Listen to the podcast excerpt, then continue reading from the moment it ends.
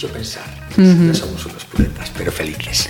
Pues eh, Javier Olleros, alégrome moitísimo. Gracias. Foi un placer, de verdad, cando que irades. Amor de los padres, eso nunca. A playlist. Javier, de verdad un placer. Un placer, gracias. Tenía muchas ganas. Non hai cancións de verce para dormir Non hai mistos para fundir Os pesadelos entre as sombras Saludos, vamos a conocer hoy una historia eh, que a mí ya me estaba sorprendiendo en esta charla previa que hemos tenido con nuestra invitada de hoy, Ana Santos Soya. Muy bienvenida de nuevo. Buenas tardes. Seguro que va a salir en esta playlist el motivo por el que estuvo ya una vez aquí en el estudio de Pontevedra, Viva Radio, aquel eh, proyecto eh, Erasmus habías venido con los chicos del Valle Inclán, con chicos del Instituto... Eh, del Lycée Félix Faure. Eh, eh, estaba yo pensando cómo era el nombre que me lo tuve que...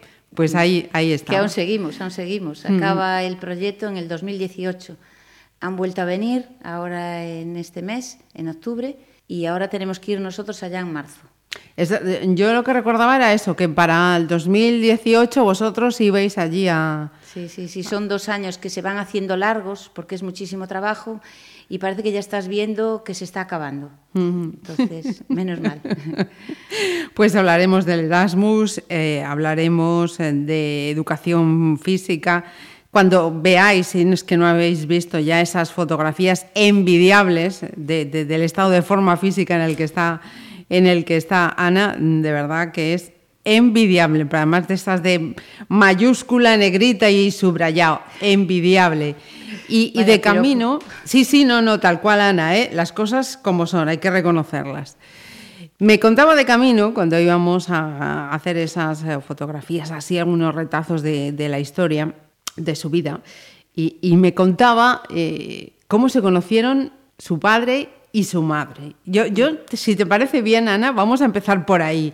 Háblanos de tu padre, de tu madre, quiénes eran y, cómo se conocieron, que, me parece maravillosa la historia.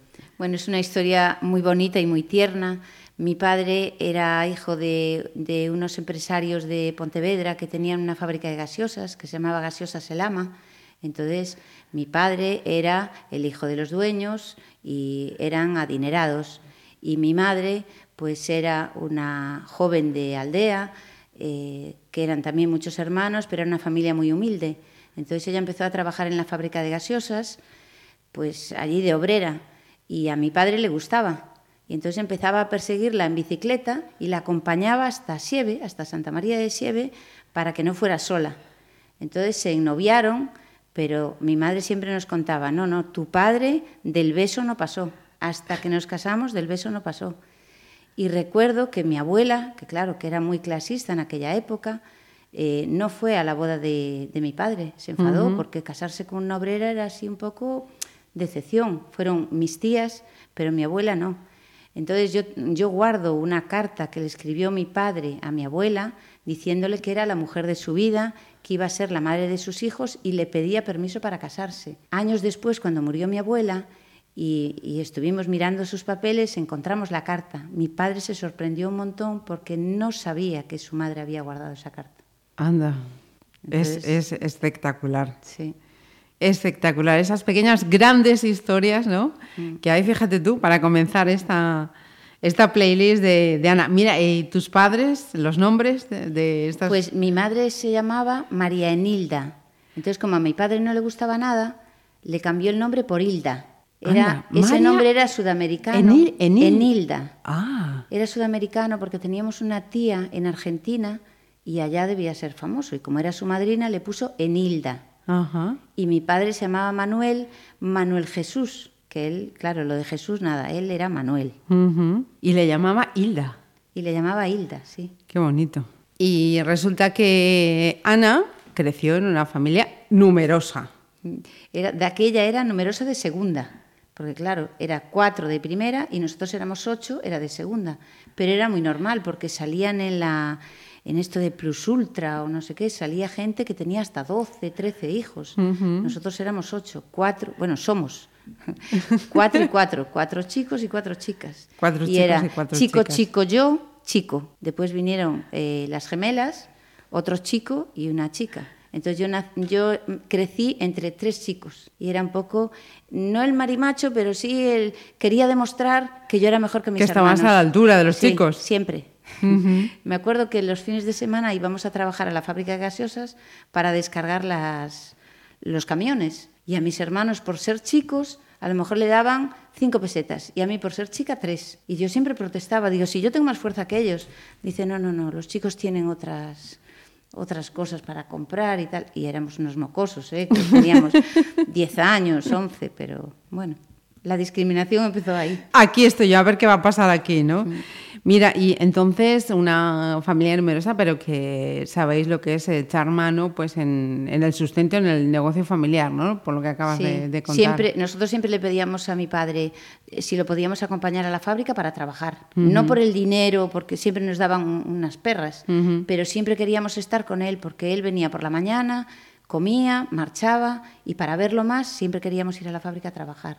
Y nos parecía lejísimos. Tú mira, eh, nosotros vivíamos en Benito Corval, eh, eh, donde nacimos, donde está ahora Máximo Dutti, en el número 37, y la fábrica de gaseosas es donde está ahora Supercor. Ajá.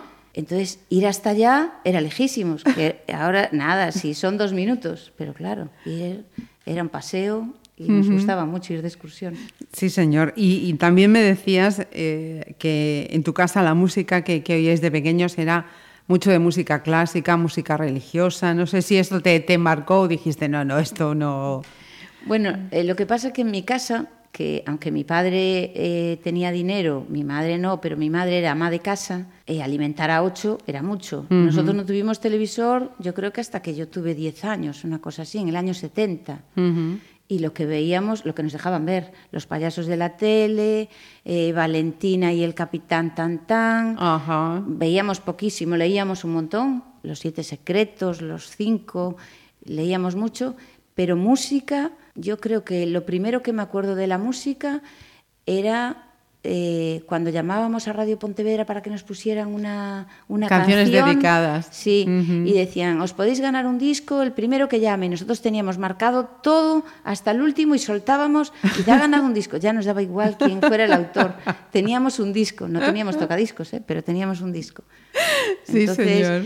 Claro, a nosotros que nos ponían que si que si en Navidad las- los villancicos nos los sabíamos de memoria, o venía una tía mía y nos traía canciones de Venezuela, la pollera colorá, es decir, recuerdo de música de Sí, joven, sí. nada, nada, mucho más adelante. Mira, Ana, ¿y con qué podemos comenzar tu playlist? ¿Con qué canción podemos comenzar de esa selección que has hecho? Bueno, pues yo creo que eh, para empezar, una de las que más me gustaba que, que bailábamos era la de Elton John y Kiki D, Ujú. que era, bueno, yo como no- de inglés no tengo mucha idea, ¿eh? No pero te era preocupes. Don't Go Breaking My Heart. Ajá, sí, sí, muy marchosa, muy Esa, de... esa la bailábamos en, en la discoteca y nos sonaba y nos gustaba un montón. Vale, quedaos con esa frase que acaba de decir, que la bailábamos en la discoteca, porque eso también tiene su historia, pero va a ser después de Elton John y Kiki D.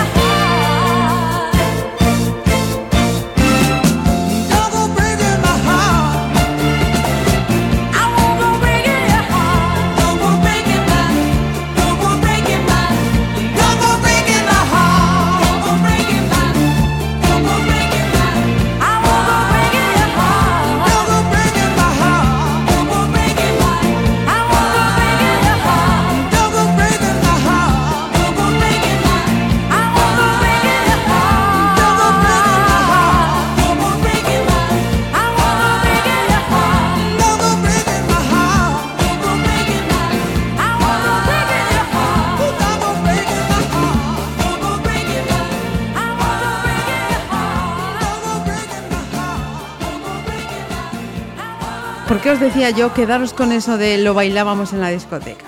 Pues eh, porque también tiene su, su historia.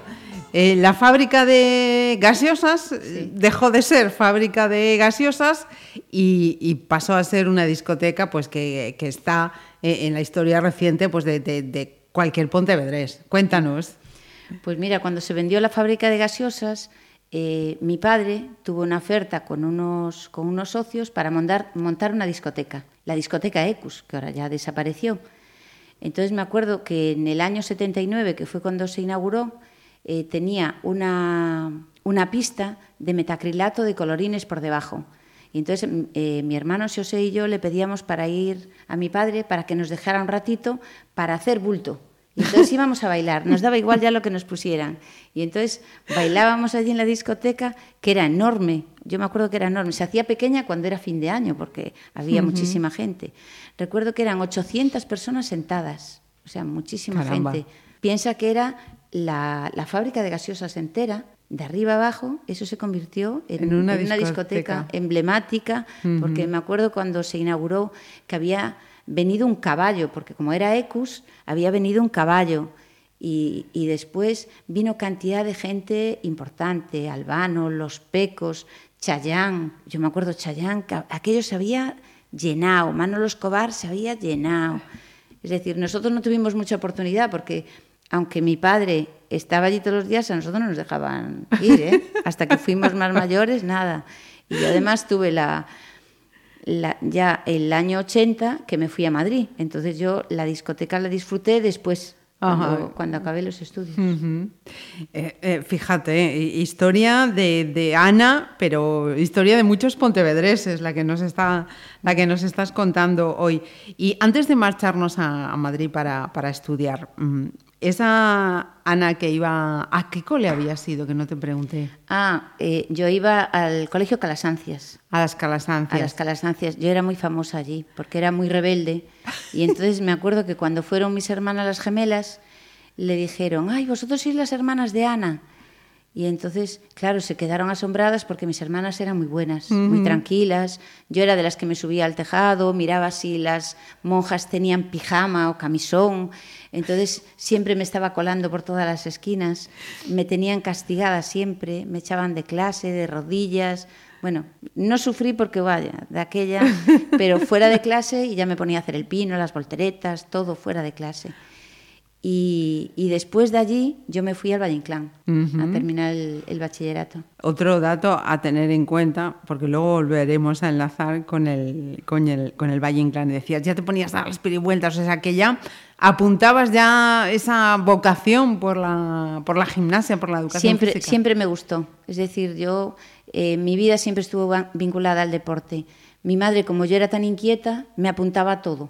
Entonces me decía, mira, hay clases de gimnasia deportiva en el pabellón los sábados, venga, es mejor que vayas. Hay, lo, lo más tranquilo que hice fue dibujo, pero como no me gustaba yo hacía puzzles. Y entonces me decía, mejor que te dediques a otra cosa. Entonces, baile gallego, ballet, todo, todo lo que había extraescolar era para mí. Pero antes te estaba contando que eh, yo era inquieta, mis hermanas las gemelas más tranquilas. Cuando llegó mi hermana la pequeña al- a las calasancias, le dijeron, ay, tú eres hermana de las gemelitas. Dice, no, soy hermana de Ana. Claro, porque se Voy parece, avisando. se parece mucho a mí y entonces era muy inquieta también. Dijeron, sí, sí, se nota, se nota. Dos y dos, dos rebeldes y dos más tranquilas, dos- había que compensar. Es verdad, es verdad. Ana, ¿hacemos otra paradita? Bien, pues yo creo que ahora podíamos poner a Europa de Santana.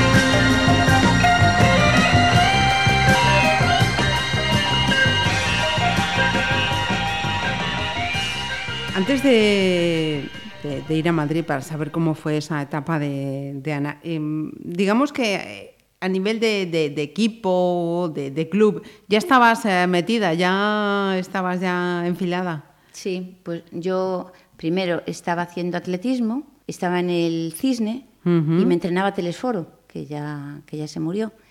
Y después estaba en el equipo de baloncesto en el Arsil. Ajá.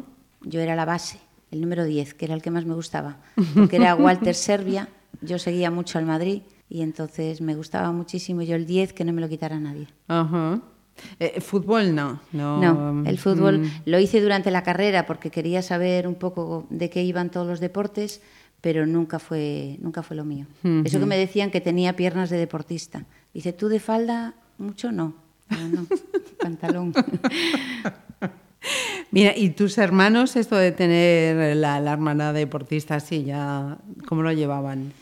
Bueno, con resignación, porque había algunos que sí que, que le gustaba algún deporte, pero, pero menos. Ellos eran más estudiosos. Yo era más de, de educación física, ellos eran más de libros. Es decir, a, la hora de las notas, las peores eran las mías, las mejores eran las suyas.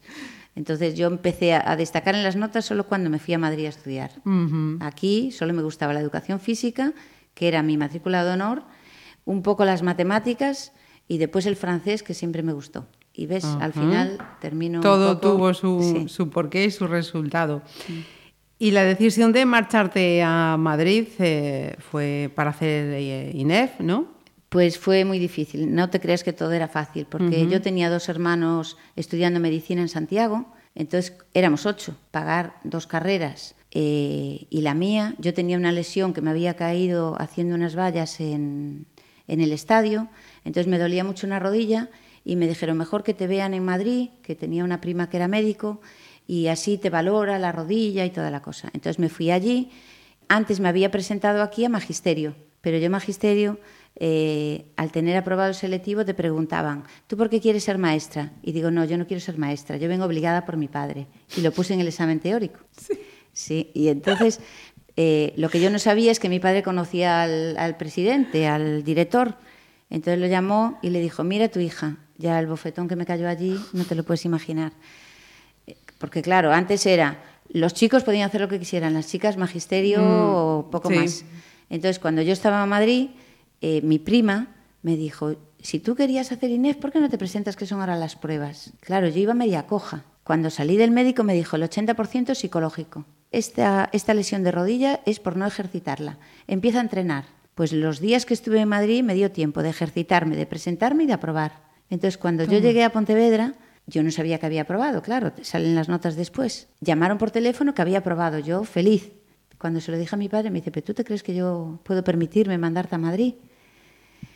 Y yo, claro. Y fue mi madre la que lo Convenció. convenció. de que me dejara ir, de que con becas y tal, que íbamos a apretarnos un poco. Empezaba la discoteca, entonces ya había un poquito de dinero en casa y así conseguí ir a Madrid. Es decir, lo que siempre le agradecí a mi padre fue que nos permitiera estudiar lo que quisiéramos. Ajá. Desde luego, desde luego. Ana, ¿y cómo, cómo era el, ese, ese Madrid con el que te encuentras? ¿Y cómo es esa Pues Ana mira, ya en esa... Yo era una paleta de pueblo. La verdad es que era de verdad. ¿eh? Yo cuando llegué, me acuerdo que fuimos a una fiesta. Yo aquí estaba saliendo con un chico, pero con un chico que era de cuello para arriba, es decir, besos y poco más. Y ya tenía 18 años, Ajá. 19. Entonces, cuando yo llegué allí, fuimos a una fiesta y había una chica que, que estaba conmigo en la residencia y estaban bailando y estaba dando besos con un chico. Y llegó y dije yo, ay, ¿es tu novio? Dice, no, lo acabo de conocer. Dije yo, ah, pues eso en Pontevedra tiene un nombre. y yo diciendo, Dios mío, ¿qué me sirvió para abrir la mente y ver que aquí éramos muy de pueblo, muy de pueblo? No quiere decir que allá fueran ni más listos ni nada, pero te abre la mente muchísimo. Es decir, yo allí aprendí de todo y después me ayudó el INEF pues a conocer todo tipo de deportes, a ir a un montón de sitios, países, viajar, muchísimas becas, muchísimas oportunidades. Eh, de Galicia éramos tres nada más, la mayoría eran de Madrid, porque antes el INEF solo se estudiaba en Barcelona, en Madrid. O en Madrid, sí. Entonces éramos casi todos de, de los pueblos, pero yo estaba deseando acabar para volverme a Pontevedra. Hay mucha gente que se quedó en Madrid, pero yo me quería venir para Pontevedra porque era mi tierra. Yo llovía y lloraba. Es decir, es una cosa que el sentimiento de, de Galicia como tierra, yo soy muy morriñenta. Eso te iba a decir, ¿no? Esa morriña. Yo soy de las que me voy deseando volver. Es decir, sé que voy, Sí, pero sí. yo quiero volver. Mira, el anterior invitado a esta playlist nos dijo exactamente lo mismo, con otra circunstancia relacionada con la lluvia, pero exactamente lo mismo. Necesito volver para cargar pilas y, y volver a estar en condiciones. Sí, sí, sí. sí. Sí, señor.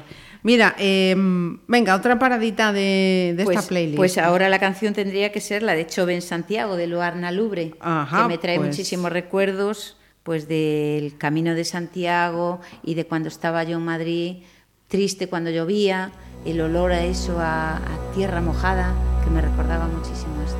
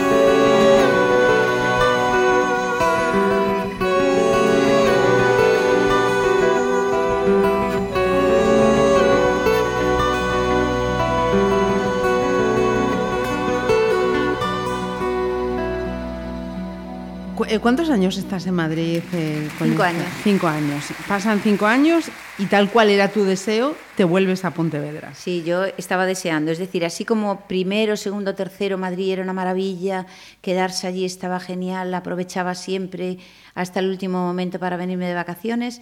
Cuarto y quinto ya se me hizo más duro. Es decir, yo ya quería venir para aquí, ya quería trabajar aquí. Además lo tenía clarísimo. Yo quería trabajar en el Valle Inclán. Es decir, no quería trabajar en otro sitio. Quería trabajar en el Valle Inclán. Entonces fue terminar y venirme. Ajá. ¿Y cómo es esa, esa Pontevedra, esta Galicia? ¿Ya había avanzado en esos cinco años o Pues mira, nosotros igual? teníamos eh, televisión, yo creo que, no sé si era en blanco y negro aún, ya no me acuerdo, pero igual ya era en color. Pero yo cuando llegué, pues me acuerdo de Dallas, que era en gallego, eso de Suelen y tal. Estás Me- bebe de Sí, Suelen. bebe. Pues a mí me daba la risa, porque yo, el, el gallego que nosotros siempre eh, nos reñían por hablar en gallego, es decir, hasta nos pegaban por decir, peta en la ventana. Dice, ¿cómo que peta? Ya te dije que la familia de mi padre era más de, de castellano, la familia de mi madre era más de hablar en gallego.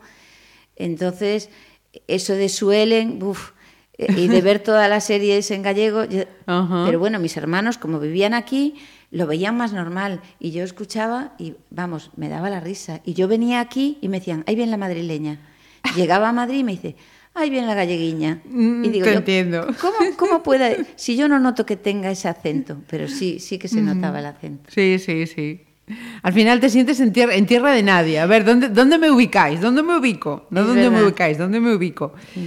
Y mm, laboralmente eh, terminas INE, vuelves a Pontevedra y encuentras trabajo, sigues estudiando. Entonces, lo primero que hago cuando, cuando llego ya es, claro, al, al tener la licenciatura, pues eh, una sustitución, por- eh, porque cuando acabas no puedes presentarte a las oposiciones, tienes que hacer eh, el periodo de prácticas. Entonces, en ese primer año tuve la suerte de, de ir a Villa García y durante el año completo estuve trabajando allí. Y mientras preparaba las oposiciones, yo iba en el coche con, con un radiocasé, con el tema 1 y 2. Fueron los únicos que no me aprendí, pero el 1 y el 2, ida y vuelta, ida y vuelta, ida y vuelta. Tuve la suerte que no me tocaron ninguno de los dos, porque era de historia. Pero bueno, al año siguiente me presenté a las oposiciones y las aprobé. Ajá. Entonces fue ya pedir la plaza y tener la suerte de, de estar en, en el Valle En Inclán. el Valle. Y ahora, este año es el 33. 33. que Número redondo. Sí, bueno. Y musicalmente, ¿cómo acompañamos este momento? A ver, vamos a acompañar con Vanessa Paradis, que me gusta mucho Love Song.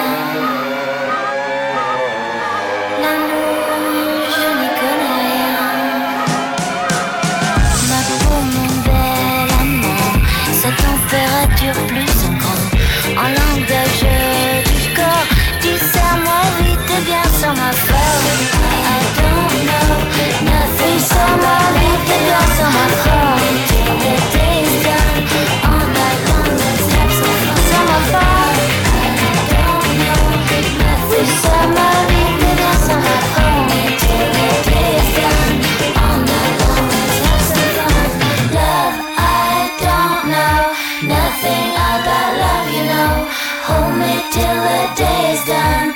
All night long, let's have some fun. Love,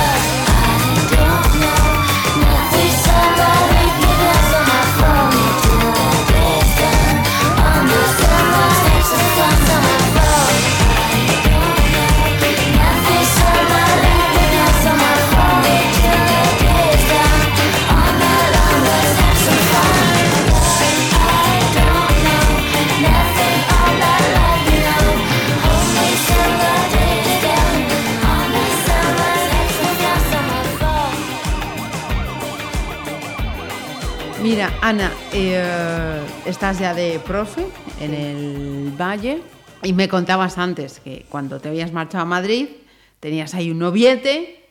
eh, Pero bueno, llegó a es- Madrid y Ese noviete eh, duró lo que yo me fui a Madrid, porque aunque nos queríamos mucho, era un amor muy romántico, eh, él en un momento determinado también me dijo, o yo o tu carrera. Comprenderás que yo lo que más me gustaba Mm. era irme a Madrid y yo le dije que lo sentía Lo mucho, pero, mucho. pero me iba. Entonces los cinco años que estuve en Madrid no tuve así nada importante. El, el último año sí que conocí a un chico, pero bueno, duró hasta que acabé la carrera. Y después, cuando yo me fui a Villa García, conocí al chico que estaba de director, que era profesor de latín. Y, y nada, empezamos a salir y a los dos años nos casamos. Ajá. Y porque te casas por amor, te casas ilusionada, pero en aquel momento también te casas porque se te pasa el arroz, tienes 28 años, si quieres tener un hijo es muy tarde, eh, ya tienes casa, ya tienes mm, las Fíjate, oposiciones. con, con 28 años, eh, y dónde estamos hoy, cuando decimos digo. mm, la maternidad, fíjate. Entonces, nada, nos casamos y ya a los dos años tuvimos un hijo que nació con problemas porque resulta que nosotros éramos incompatibles genéticamente. Ajá. y, y el niño tenía un problema de, de una enzima del hígado y le tuvieron que hacer un trasplante de hígado con nueve meses, que de aquella fue el primero que se hizo en Europa. Me acuerdo que habíamos ido a la televisión de Galicia con Galloso, porque eh, había sido una cosa de renombre, ¿no? Que había, que había sido el primer gallego, el primer gallego, bueno, el, el de Europa que se había hecho. Primera persona dentro de Europa, ahora, así que es- sí, y ahora tiene 27 años, sigue medicado porque los, los de trasplante hepático siguen medicados. Pero bueno, ahí está opositando para ser juez, que es su sueño, y seguro que lo logra porque es cabezón como su madre, es más estudioso que su madre y seguro que lo, que lo consigue. Mm. Eh, ¿Esa intervención dónde, dónde fue, Ana? En Madrid. Fue en Madrid. en La Paz, sí. ¿Y, y cómo se llama tu hijo? Pues mi hijo se llama Daniel. Me decías, eh, mm, estuve casada, luego me, me separé, pero tienes ahí ese hombre de tu vida, que es Daniel. Hombre, es que ya sabes que un hijo ata, ata mucho. Es decir, el padre de Daniel, eh, como marido, bueno, tuvo su, su tiempo, pero como padre, un padre estupendo. Es decir, yo de ahí no puedo decir nada. Tenemos un hijo maravilloso. ¿Qué, qué madre no va a decir eso? ¿no? Yo estoy orgullosísima de, De de- Daniel. de mi hijo, sí.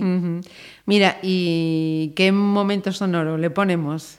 Pues yo creo que Tiziano Ferro y Amaya Montero, el regalo más grande. Pues, ¿cómo no? ¿Cómo no?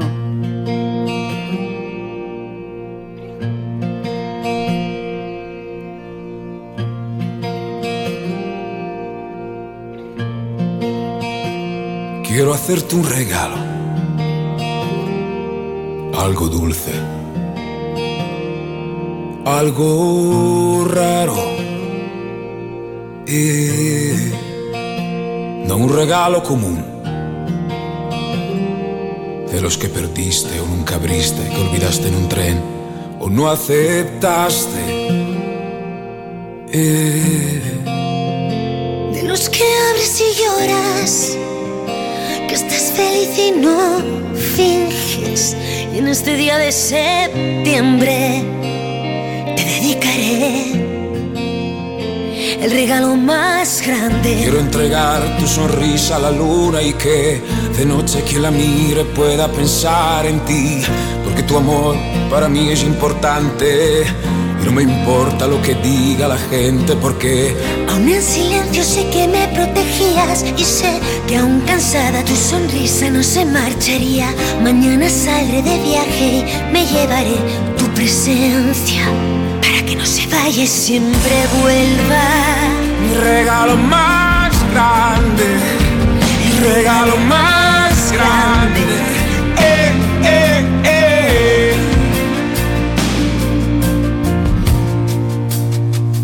Quiero que me regales un sueño escondido o nunca entregado.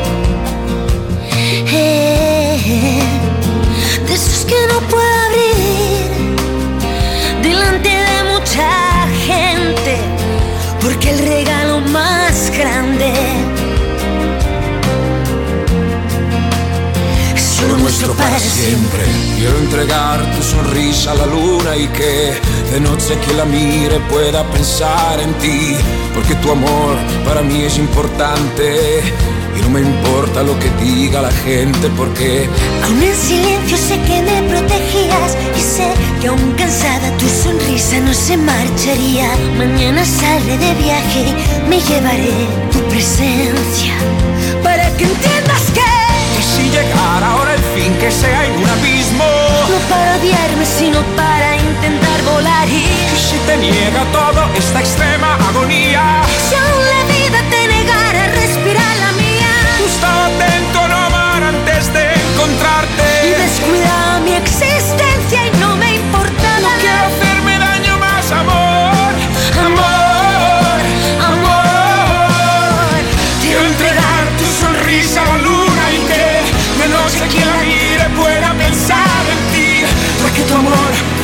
es importante y no me importa lo que diga la gente porque amor negado amor robado y nunca Mi devuelto amor tan grande como el tiempo y en ti me pierdo. Amor que me habla con tus ojos aquí enfrente. Eres tú, eres tú, eres tú, eres tú, eres tú, eres tú. El regalo más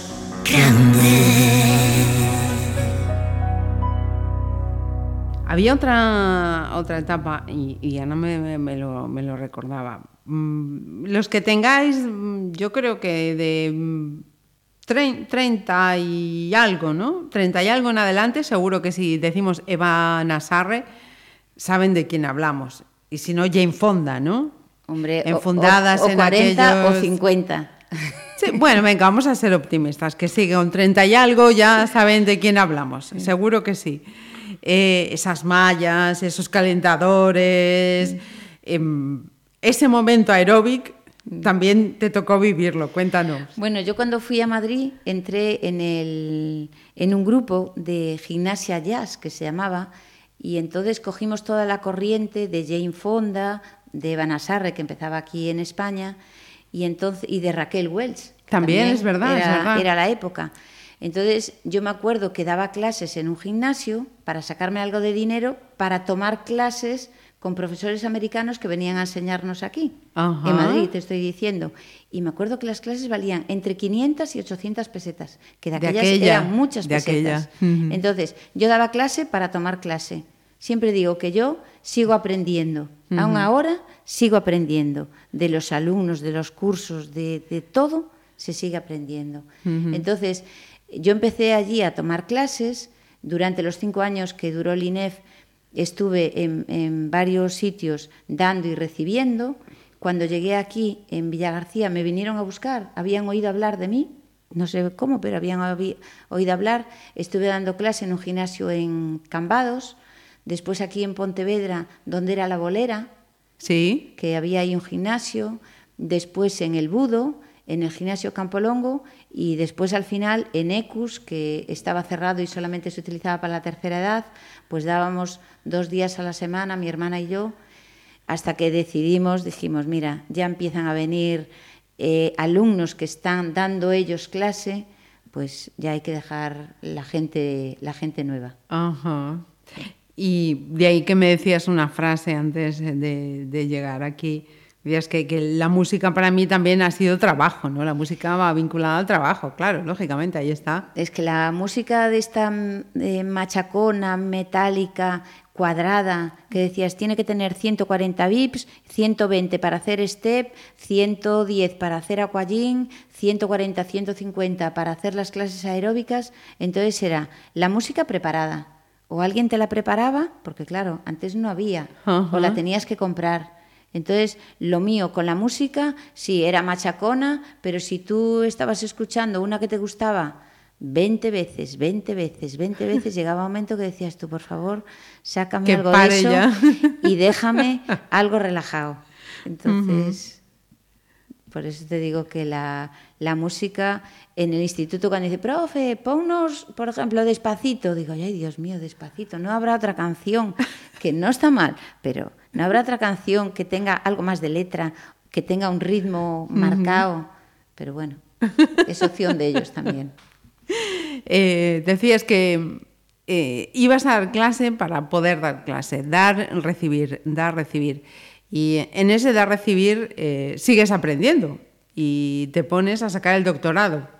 Sí, pues cuando, cuando ya me separé, en el año 2013, un poco antes, eh, saqué una plaza para dar clase en la Facultad de Ciencias de la Educación, en INEF, porque mi objetivo era qué, qué es estar de profesor en la facultad. Porque yo estaba en el instituto, digo, ¿qué diferencia hay de dar clase en la facultad?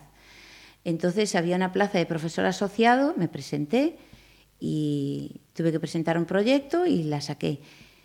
¿Qué diferencia hay? Los alumnos son los mismos. Ahora, la asignatura era diferente. Eran actividades aeróbicas con fondo musical o aeróbic. Los alumnos van porque quieren y les gusta esa asignatura. Entonces yo estaba encantadísima dando esa asignatura. ¿Qué pasa? Que la- los estudios en la facultad no es lo mismo que en el instituto. Tú en el instituto tienes tu asignatura, tú eres la profesora de educación física. Allí tú eres, eh, das unos créditos, unos créditos que al final lo puede dar cualquiera. Entonces, si hay otro que le apetece dar tus créditos, tú puedes encontrarte que tú a lo mejor tienes que dar, yo qué sé, remo. Y dices, a ver, si yo soy especialista en esto, yo quiero dar esto. Esto. Cuando al cabo de cinco años ya no era lo mismo, es cuando ya me decido marchar. Bueno, Ajá. aparte también porque estaba mi padre mal de salud y no estaba yo en ese momento de, de- de estar dando clase en dos sitios, porque al final dos sitios, dos trabajos, el, casi el mismo dinero, porque como pides con- compatibilidad, lo que suma en uno te resta en otro y al final es el mismo sueldo. Entonces no, mi cabeza dijo que no. Eh, vamos a ponerle ahí ese paréntesis eh, musical. Sí. De nuevo, Pues cuéntame. ahí ¿con hay qué vamos? una, una canción que me gusta mucho de Pedro Abru- Abruñosa que se llama Momento, precisamente. Eh, es la primera vez que voy a escuchar esto. Pedro Abruñosa y se llama El Momento. Momento. no, Momento. momento. Y este artista creo que me decías que era eh, portugués. Portugués. Pues mira, yo lo conocí porque tengo una amiga portuguesa que coincidimos en el, en el doctorado, Ana Paula, que me hice muy amiga suya, y entonces ella venía y siempre me traía algún disco. Dormía en mi casa y me decía, ay, te traje un CD que te va a gustar. Y yo escuchaba las canciones y claro, algunas son tristes, otras tal, pero tenían una letra y un mensaje muy bonito. Entonces, esta es de mis preferidas.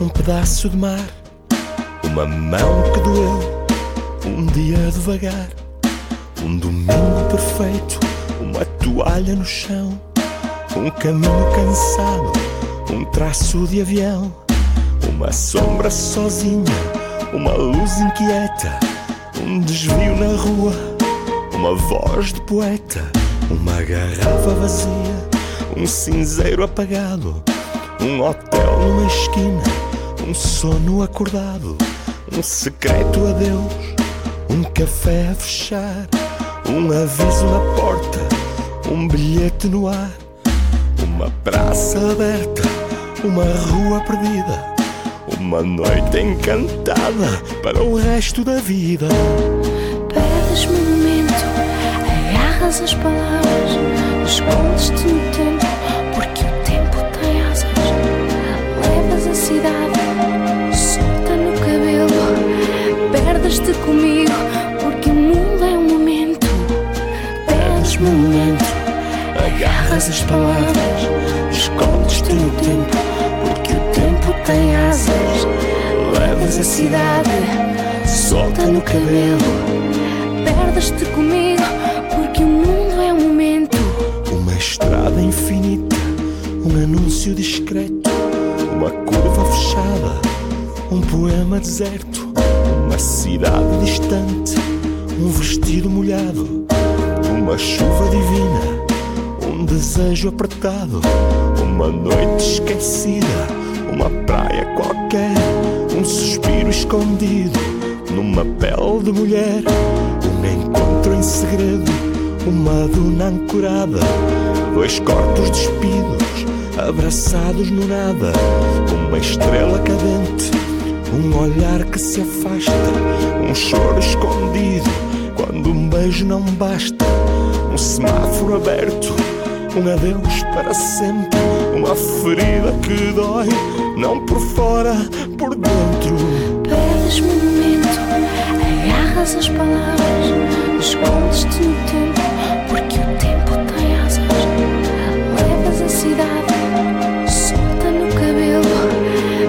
perdes-te comigo, porque o mundo é um momento. Perdes-me um momento, Agarras as palavras, escondes-te no tempo, porque o tempo tem asas.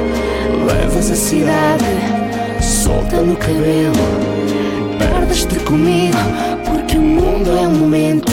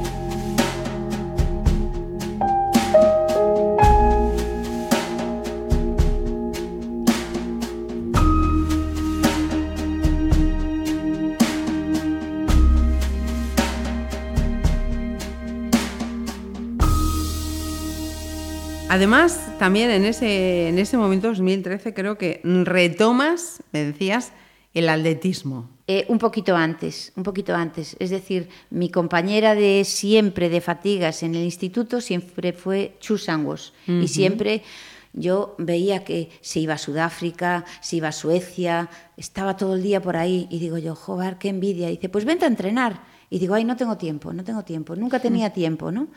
Y entonces empecé un año y al poco me lesioné, porque yo, claro, yo ya quería correr los 100 metros rapidísimo. Entonces ya tuve que recular un poquito, poco a poco. Volví otra vez a las vallas. Me habían quedado marcadas de la pista de, de ceniza eh, cuando me había caído, pero retomé las vallas, volví otra vez a la, a la velocidad y entonces empecé a viajar con ella. Entonces, campeonatos de España, campeonatos de Europa, campeonatos del mundo, y estaba súper motivada. Es decir, me gustaba muchísimo. Es, es una vida que, que sabes que es muchísimo sacrificio, pero es muchísima satisfacción personal. Ajá. Es decir, tienes eh, cantidad de gente con muchísimas operaciones. Allí a las, a las competiciones van los nietos. Venga, abuela, venga, abuela. Y yo diciendo, la primera vez que fui dije yo, bueno, abuela, aquí no vengan mis nietos. Pero después agradeces que vayan Sí. eh, esa gente Ajá. joven. Iba el padre, eh, el abuelo y competían casi juntos. Dices tú, bueno, gente de 100 años con gente de 70, gente de 40, porque los, los veteranos es a partir de los 35 años. Entonces yo empecé 40 y largos, pero bueno, encantada. Este año te dije que lo tengo un poco aparcada porque el Erasmus me lleva muchísimo tiempo, pero no es excusa. Es decir, pagué la ficha a propósito para volver a entrenar. Ajá. Y yo he visto por ahí que con esto llevas amontonado, tienes un medallero de cuidado. Bueno, las medallas también es un poco falso, porque a ver, tampoco somos tantos. Di Bueno, bueno, no te quites méritos. Tiene, tiene su valor, pero a ver, cuando no hay mucha gente es mucho más fácil, o a veces no, pero hay que estar ahí. Mm. Y además una carrera de vallas no es una carrera lisa, tú tienes que pasar los obstáculos, llegar y en un tiempo determinado, porque si no haces ese tiempo tampoco te lo dan. Es decir... eh, Telita. Sí. Celita, aquí quitándose mérito. Yo por ahí estaba rebuscando y le veo eh, Antequera, eh, tres, me- eh, tres medallas. Vila García, tres medallas. Elche, medalla de oro. Eh, va- vamos, que no te quites mérito. Bueno. Y, y lo, ahí, de ahí viene también ese espíritu viajero que alguien me chivó por ahí que también tenías. Bueno, sí, porque yo mientras estuve casada no viajé nada. Es decir, viajé durante la carrera, pero después de, de casada muy poquito. Entonces yo lo que quería era como un poco escaparme. Me acuerdo en el año 99 hice el Camino de Santiago dos veces, porque hice el francés y el portugués. Hice un viaje por, por los países nórdicos y después ya cada año iba a un sitio. Y yo veía que mi hermano José, que es profesor de geografía en Santiago, pues estaba cada día en un sitio y yo diciendo, yo quiero ser como tú, yo también quiero viajar un montón. Y es cuestión de organizarse. Es decir, que hay un puente, pues ¿a dónde podemos ir? Pues aquí, allí, lo que sea. Entonces, ahora, eh, siendo profesor, tienes muchísimas oportunidades para, para hacer cosas. Con el Erasmus, pues tienes la suerte de poder acompañar a los alumnos en, en su formación, pues esta vez a Francia, también fuimos a Alemania. Cuando viajan por viajes de estudios, yo ahora ya no voy, es decir, va gente más joven, porque son 24 horas todos los días, entonces yo ahora ya no voy, pero van los otros. Pero ahora, por ejemplo, en el puente de diciembre nos vamos dos compañeros del instituto, nos vamos a Budapest los tres. Es decir, dijimos, bueno, pues a ver, un puente, pues nos vamos. Allá vamos. Claro, entonces hay que, que coger el toro por los cuernos y, Y aprovechar el día a día. Carpe diem. Eso, nunca mejor dicho. Vamos a ponerle vidilla entonces a este momento Carpe Diem. Bueno, pues eh, una canción que también me encanta es la del Circo del Sol, Alegría, precisamente. Bien. Que lo, que lo vi en directo en, en Quebec, que tuve la suerte de Anda. ir. La experiencia Quebec, bien. Sí, repetí, me fui a Montreal y también estupendo. Estuve hace dos añitos. Pero quizás eh, la más impresionante fue Japón. Sí, por. porque es una cultura completamente diferente, completamente diferente además a todo lo que nos enseñan. Es decir, eh, nunca había visto que los vagones de metro eh, hubiera vagones solo para mujeres, es decir, vagones rosas donde solo pueden ir mujeres y niños, porque hay muchos abusos, lo mismo que en el tren. Sí, sí, sí. Es decir, es gente muy metódica y muy eh, de cumplir las reglas, pero después tiene una vida interior. Complicada. Sí. Ujú.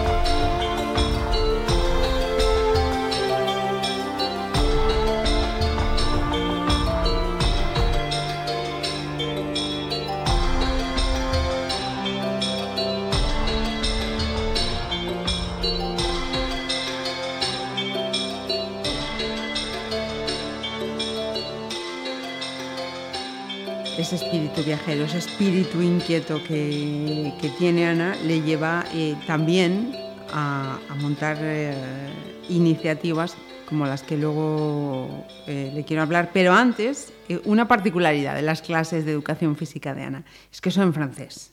Bueno, hace ocho años planteamos que las clases pudieran ser bilingües. Yo en aquel momento tenía un B1 y entonces era, era lo que pedían. Entonces se planteó primero a- al claustro, que bueno, hubo sus más y sus menos, después al consejo escolar y al final salió educación física en francés, tenía tres grupos, 60 alumnos, es decir, estaba genial y había tecnología en inglés que tenía bastantes menos. Entonces, el primer año quizá fue el que más me costó, porque una cosa es hablar francés y otro dar la clase en francés con todo el vocabulario completamente diferente de educación física. Es decir, ya no es eh, dar una voltereta, sino se, se lo tienes que decir en francés, pero antes le tienes que enseñar el vocabulario. Por eso es súper importante la coordinación con la profesora o el profesor de francés que eso tenemos muchísima ayuda. Y también, gracias a las secciones bilingües, tenemos una auxiliar de conversación francesa, que también te ayuda en la clase.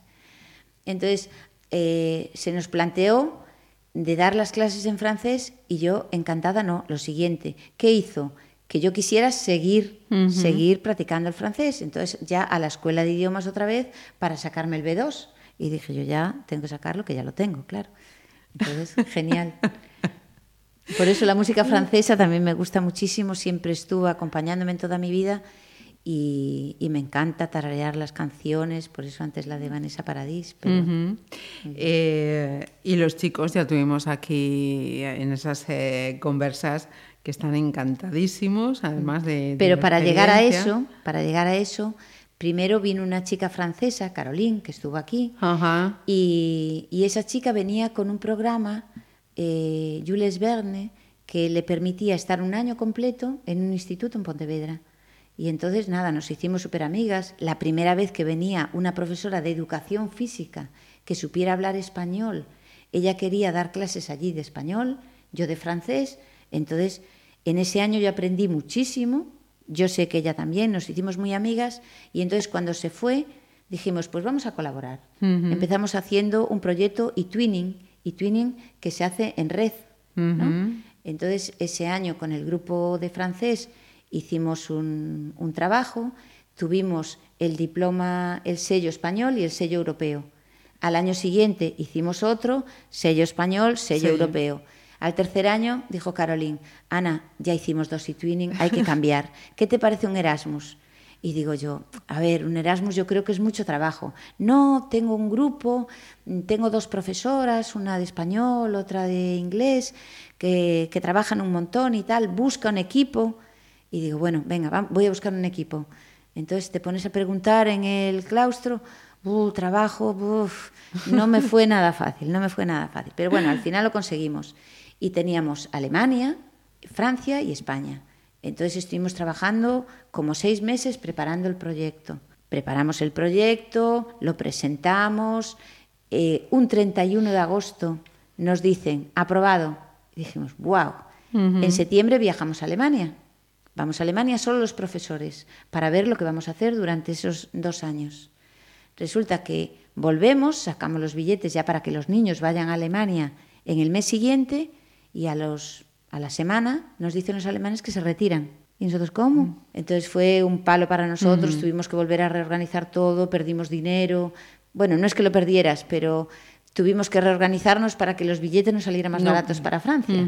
Entonces, en vez de ser eh, una vez a Alemania, una vez a Francia, eran dos veces a Francia y venían Dos dos, veces veces, aquí. Mm. Con lo cual, las dos semanas que teníamos que preparar eran súper complicadas.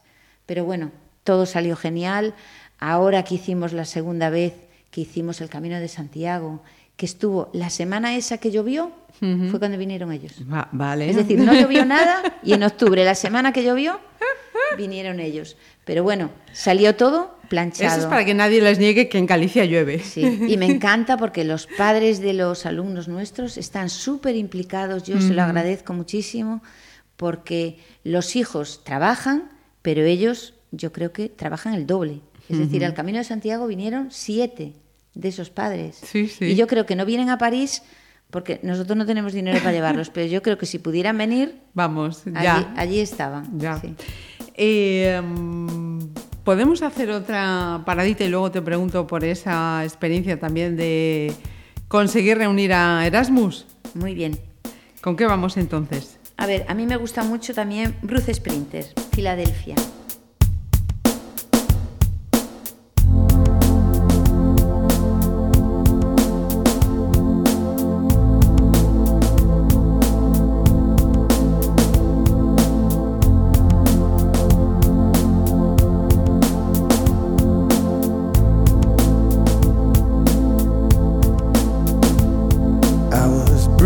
Battered, I couldn't tell what I felt. I was unrecognizable to myself. I saw my reflection in a window and didn't know my own face. Oh, brother, are you gonna leave me wasting away on the streets of Philadelphia?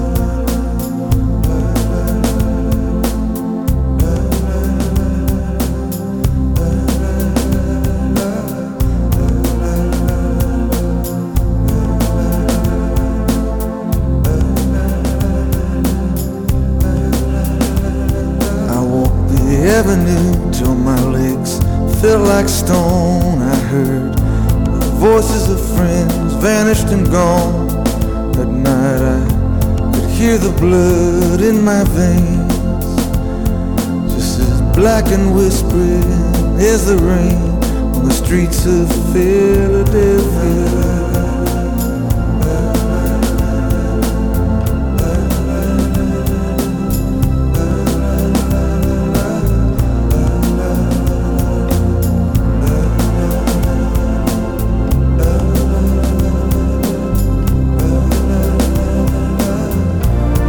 Ain't no angel gonna greet me. It's just you and I, my friend. And my clothes don't fit me no more. I a thousand miles just to slip this skin.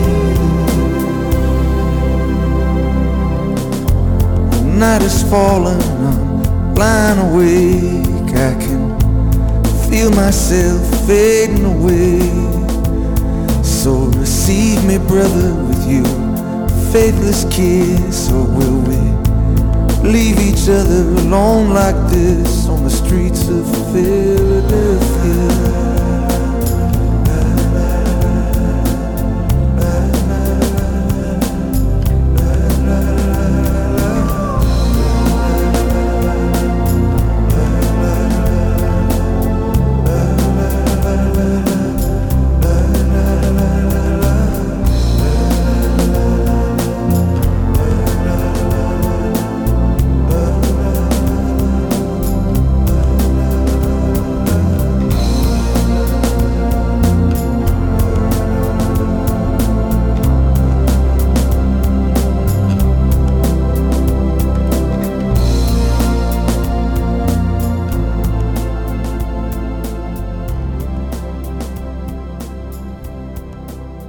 Decía yo, eh, después de Bruce Springsteen me cuentas lo del Erasmus y es que acaba de, ser hace nada, el mes de, octubre, esa, esa reunión, ¿no? De esa llamada que había hecho. Erasmus de- del mundo, veniros para acá.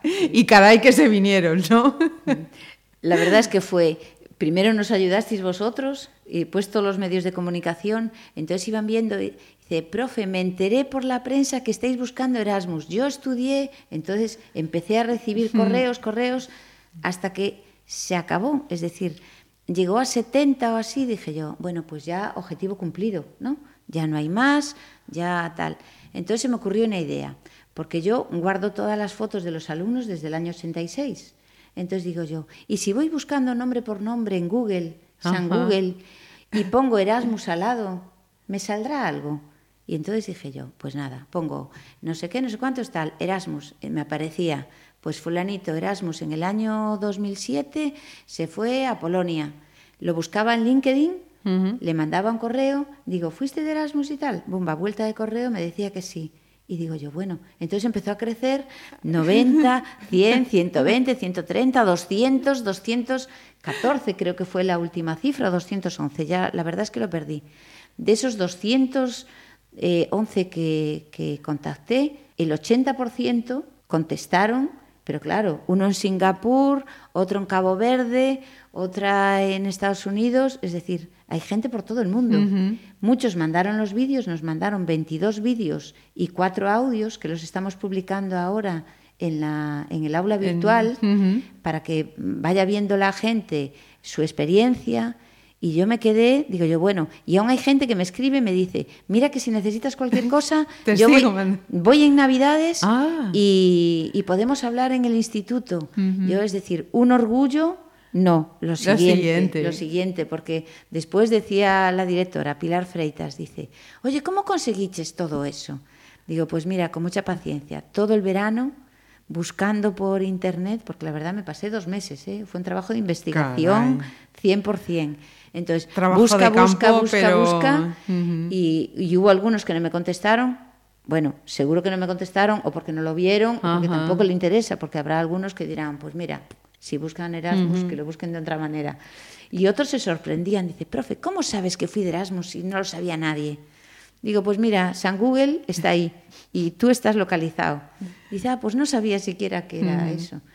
Y entonces ahora cuando tuvimos la, la jornada, coincidió que con 10 años de diferencia, dos exalumnos estuvieron en la misma universidad, en Padua. Toma. Y entonces dice, ah, tú también estuviste en Padua. Yo también. Habían estudiado cosas diferentes y eran exalumnos. Y entonces ya empezaron ahí a hablar.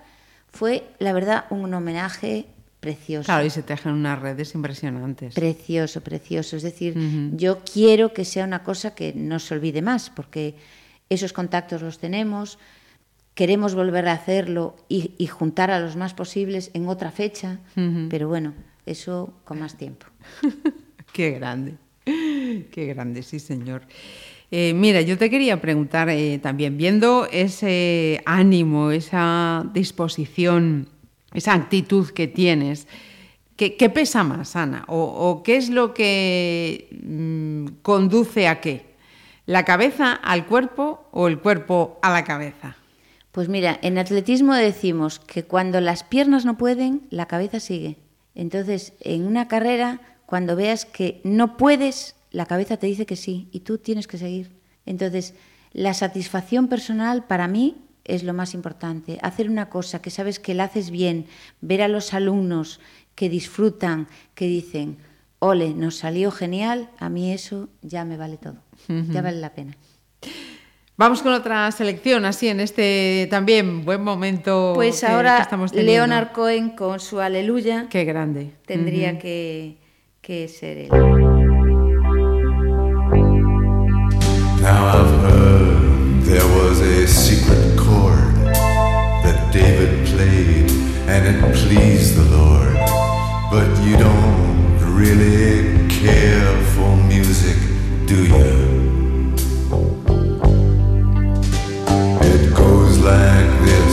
The fourth, the fifth, the minor fall, the major lift, the baffled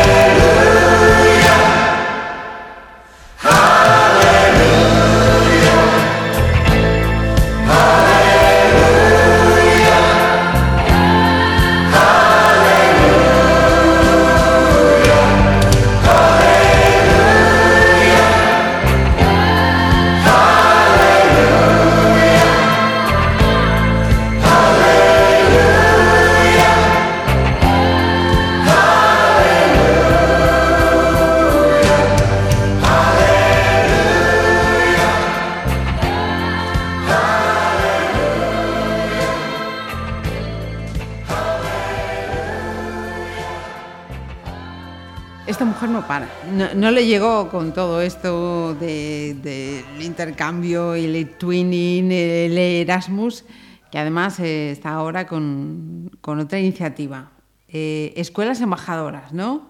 Me decías. Sí, bueno, este verano salió una convocatoria que era las escuelas embajadoras del Parlamento Europeo. Y fue mi hermano, eh, Jacobo, que también es profesor de Geografía e Historia, me dijo, Ana, ¿por qué no pides esto? Y yo, no, no, no, yo quiero acabar el Erasmus, ya no quiero hacer nada más. Pues yo lo voy a pedir, te lo mando. Y digo, bueno, y lo leí. Y entonces lo leí y dije yo, sería una pena no hacerlo, teniendo un grupo como tengo del año pasado, que trabajan también y, y como se trabajaba temas de Europa y desde un punto de vista transversal, digo, pues lo que voy a hacer es pedir una tutoría y en esa tutoría, como ya trabajamos pues la igualdad de género, los derechos humanos, la economía desde un montón de puntos de vista, digo, lo vamos a trabajar a nivel Europa y entonces tal. Pues entonces lo pedí y pedí la tutoría. Me dieron la tutoría y digo yo, pues mira que si ahora no me dan lo de las embajadas, me quedo con la tutoría, que no pasa nada, que me encanta, que me encanta la acción de tutoría. Pero bueno, llegó y dice, su escuela ha sido seleccionada como escuela embajadora del Parlamento Europeo. ¿En qué consiste esto? Que le tienes que dedicar una hora a la semana a unos temas puntuales que te marcan ellos, en el idioma que quieras. Nosotros elegimos el francés, Ajá. pero también el español, porque no voy a, a trabajar en una tutoría en francés, aunque sea el grupo bilingüe. Entonces lo trabajamos en español y lo vamos a hacer con una profesora de francés, Leonor Rodríguez Tato, que lo va a hacer también conmigo. Y entonces elegimos un grupo de cuarto de la ESO, cuarto A, y bueno, los chicos eh, encantados no lo siguiente, pero ya ellos ya van, nos vamos a Estrasburgo, digo, primero hay que trabajar. Entonces, vamos a trabajar, ahora tenemos unas jornadas de formación en Madrid el 27 y el 28, que allí tengo unos contactos que quiero visitar ya para eh, hacer un poco el organigrama. Es que no quiero adelantar nada. Porque, Nada, nada. Luego te volvemos a llamar en otro momento, sí, no quiero adelantar porque eh, tenemos muchas ideas, se están cociendo, entonces no... Lo dejamos ahí, ¿no? Prefiero- Como con el prefiero- programa. Hasta ahí puedo leer. Hasta ahí puedo leer. Y luego, Eso. luego más adelante ya podréis eh, seguirle Claro, leyendo. Es una cosa que tendrá duración de un año. El punto álgido será el 9 de mayo, que, que es el Día de Europa, y es donde tenemos que eh, abrir el instituto a, Pontevedra para que salga un poco, que eso lo aprendí hace poquito, de, de un chico que nos ayudó en, en la decoración del instituto, que dijo, es una pena que el instituto esté para adentro. Dice, el instituto tenía que abrirse para afuera. Juan, gracias por tus consejos, lo tengo en cuenta. Entonces, eh, el instituto hay que saber lo que se está haciendo dentro. Ajá. Yo creo que se mueve poco lo que se está trabajando. Hay muchos profesores implicados, mucha gente con ganas de trabajar. Siempre hay los típicos que es eh, trabajo lo mínimo y para casa, pero eso existe en, En todo, todo, en todo. en todo. Pero hay muchos profesores muy válidos, muy trabajadores, que su trabajo no se ve, no se ve. Entonces, eso es para que para sacarlo fuera. Mira, volvemos a, Ana. Me decías, el atletismo de momento ahí con tanto proyecto está en, stand-by. Porque yo le preguntaba, Ana, para estar en ese estado físico, ¿cuánto entrenas habitualmente? Y me decía, hombre, ahora menos con todo esto que tengo, pero si no, dos horas al día. Se nota, ¿eh? Se nota, cuidadín. Mira, y, y personalmente, o, o, mm, en, en el plano más, íntimo, más personal, sentimental, ¿Ana está abierta o ya es algo que dices? Ana está mm, tranquila. Ana está tranquila. Eh, estoy con una pareja que quiere un montón, me quiere un montón. Entonces, tengo una vida tranquila, tengo una familia maravillosa, tengo un hijo estupendo. Entonces, yo creo que los pilares fundamentales. Que es la familia, la pareja y el trabajo, lo tengo genial. Entonces, estoy en una época que puedo trabajar, que puedo viajar, que puedo hacer un montón de, de cosas. Entonces dice, tú no tienes cargas familiares.